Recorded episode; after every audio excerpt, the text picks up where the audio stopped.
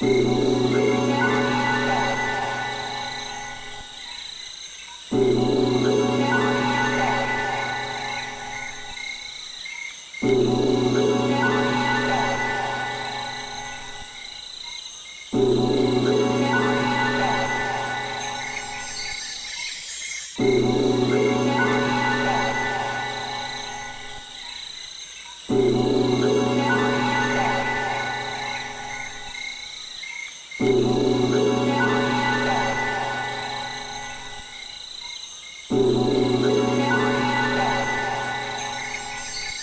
Saat terjadinya perang Khaybar, seorang lelaki datang untuk berbaiat kepada Rasulullah Shallallahu Alaihi Wasallam.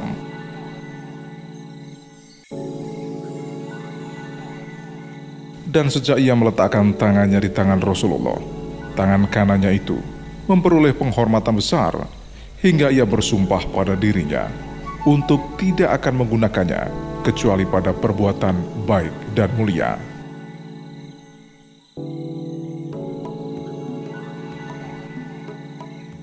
Imron bin Husain merupakan gambaran yang tepat bagi kejujuran, suhud dan kesalehan serta dalam bersusah payah mencintai Allah Subhanahu wa taala dan mentaatinya. Walaupun ia memperoleh taufik dan petunjuk dari Allah yang tidak terkira, ia sering menangis dan meratap. Mengapa aku tidak menjadi debu yang diterbangkan angin saja? Para sahabat merasa takut kepada Allah bukan karena banyak dosa, tapi karena menilai keagungan dan kebesarannya.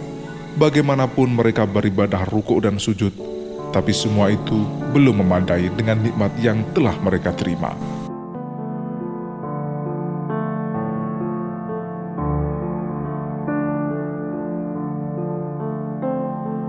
Pada suatu hari, beberapa sahabat bertanya kepada Rasulullah Shallallahu Alaihi Wasallam, Wahai Rasulullah, mengapa bila berada di sisimu, hati kami menjadi lunak, sehingga tidak menginginkan dunia lagi, dan seolah-olah kami melihat akhirat dengan mata kepala. Tapi jika kami meninggalkanmu dan berada di lingkungan keluarga, anak-anak, dan dunia kami, kami menjadi lupa diri.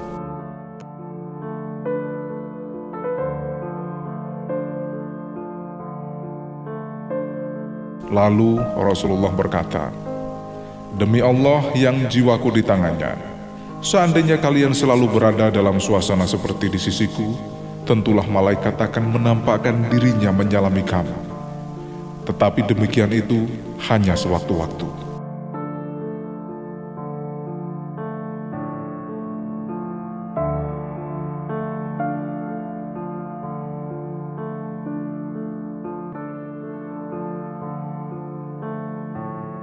Pembicaraan itu lalu terdengar oleh Imran bin Husain. Maka timbullah keinginannya dan seolah-olah ia bersumpah pada dirinya tidak akan berhenti dan tinggal diam sebelum mencapai tujuan mulia itu. Ia lalu menginginkan kehidupan yang utuh dan padu, terus-menerus dan tiada henti, memusatkan perhatian dan selalu berhubungan dengan Allah Rabbil Alamin.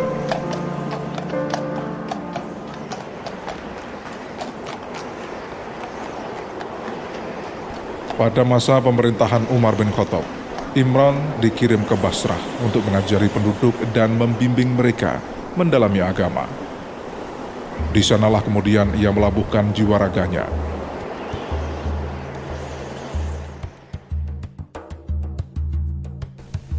Setelah penduduk mengenalnya, mereka berdatangan mengambil berkah dan meniru keteladanan dan ketakwaannya.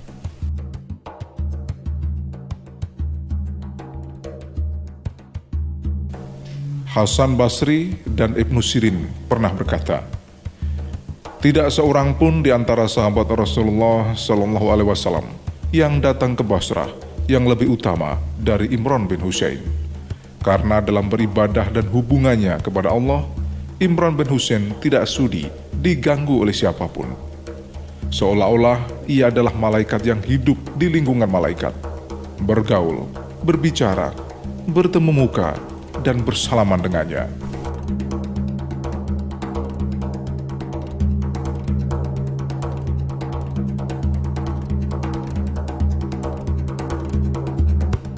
Tatkala terjadi pertentangan sengit antara kaum muslimin, yaitu kelompok Ali dan Muawiyah, selain tidak memihak, Imron juga menyeru kepada kaum muslimin untuk tidak terlibat dalam peperangan itu, dan agar membela dan mempertahankan ajaran Islam dengan sebaik-baiknya.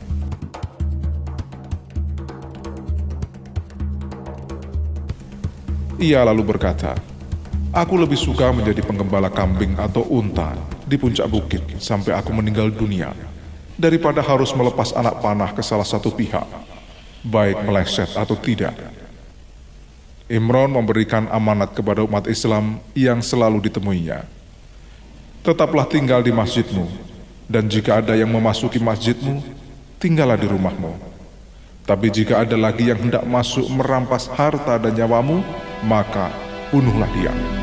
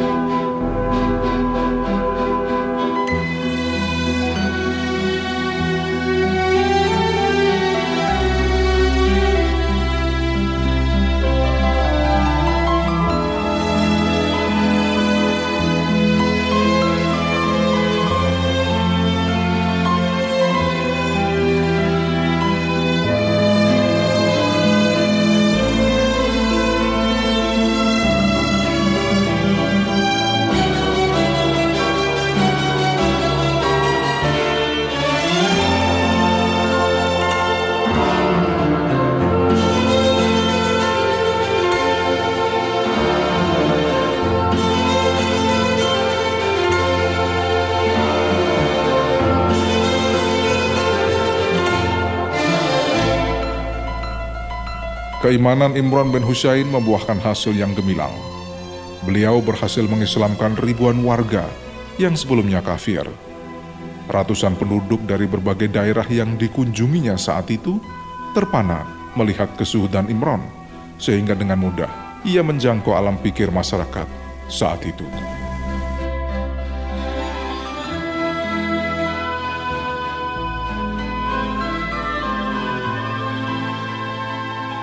Ketika ia mengidap suatu penyakit yang selalu mengganggunya selama lebih dari 30 tahun, Imran bin Husain tak pernah merasa kecewa atau mengeluh. Bahkan tak henti-hentinya ia beribadah kepada Allah Subhanahu wa taala, baik pada waktu berdiri, duduk maupun berbaring.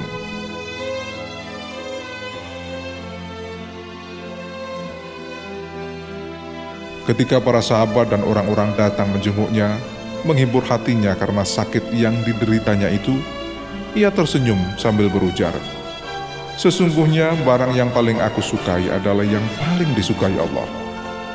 Dan sewaktu wafat, ia berwasiat kepada kerabat dan sahabatnya, Jika kalian telah kembali dari pemakamanku, maka sembelihlah hewan dan adakanlah jamuan.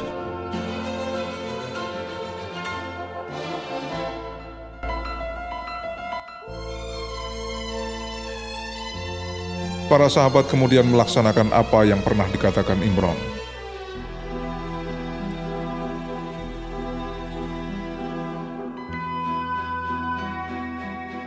Mereka melaksanakan hal itu karena sudah sepatutnya semua mengadakan jamuan.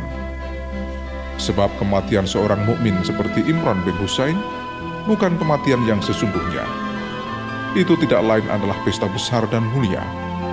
Karena suatu roh yang tinggi yang ridho dan diridoinya diarak ke dalam surga yang besarnya seluas langit dan bumi yang disediakan bagi orang-orang yang bertakwa seperti Imran bin Husain.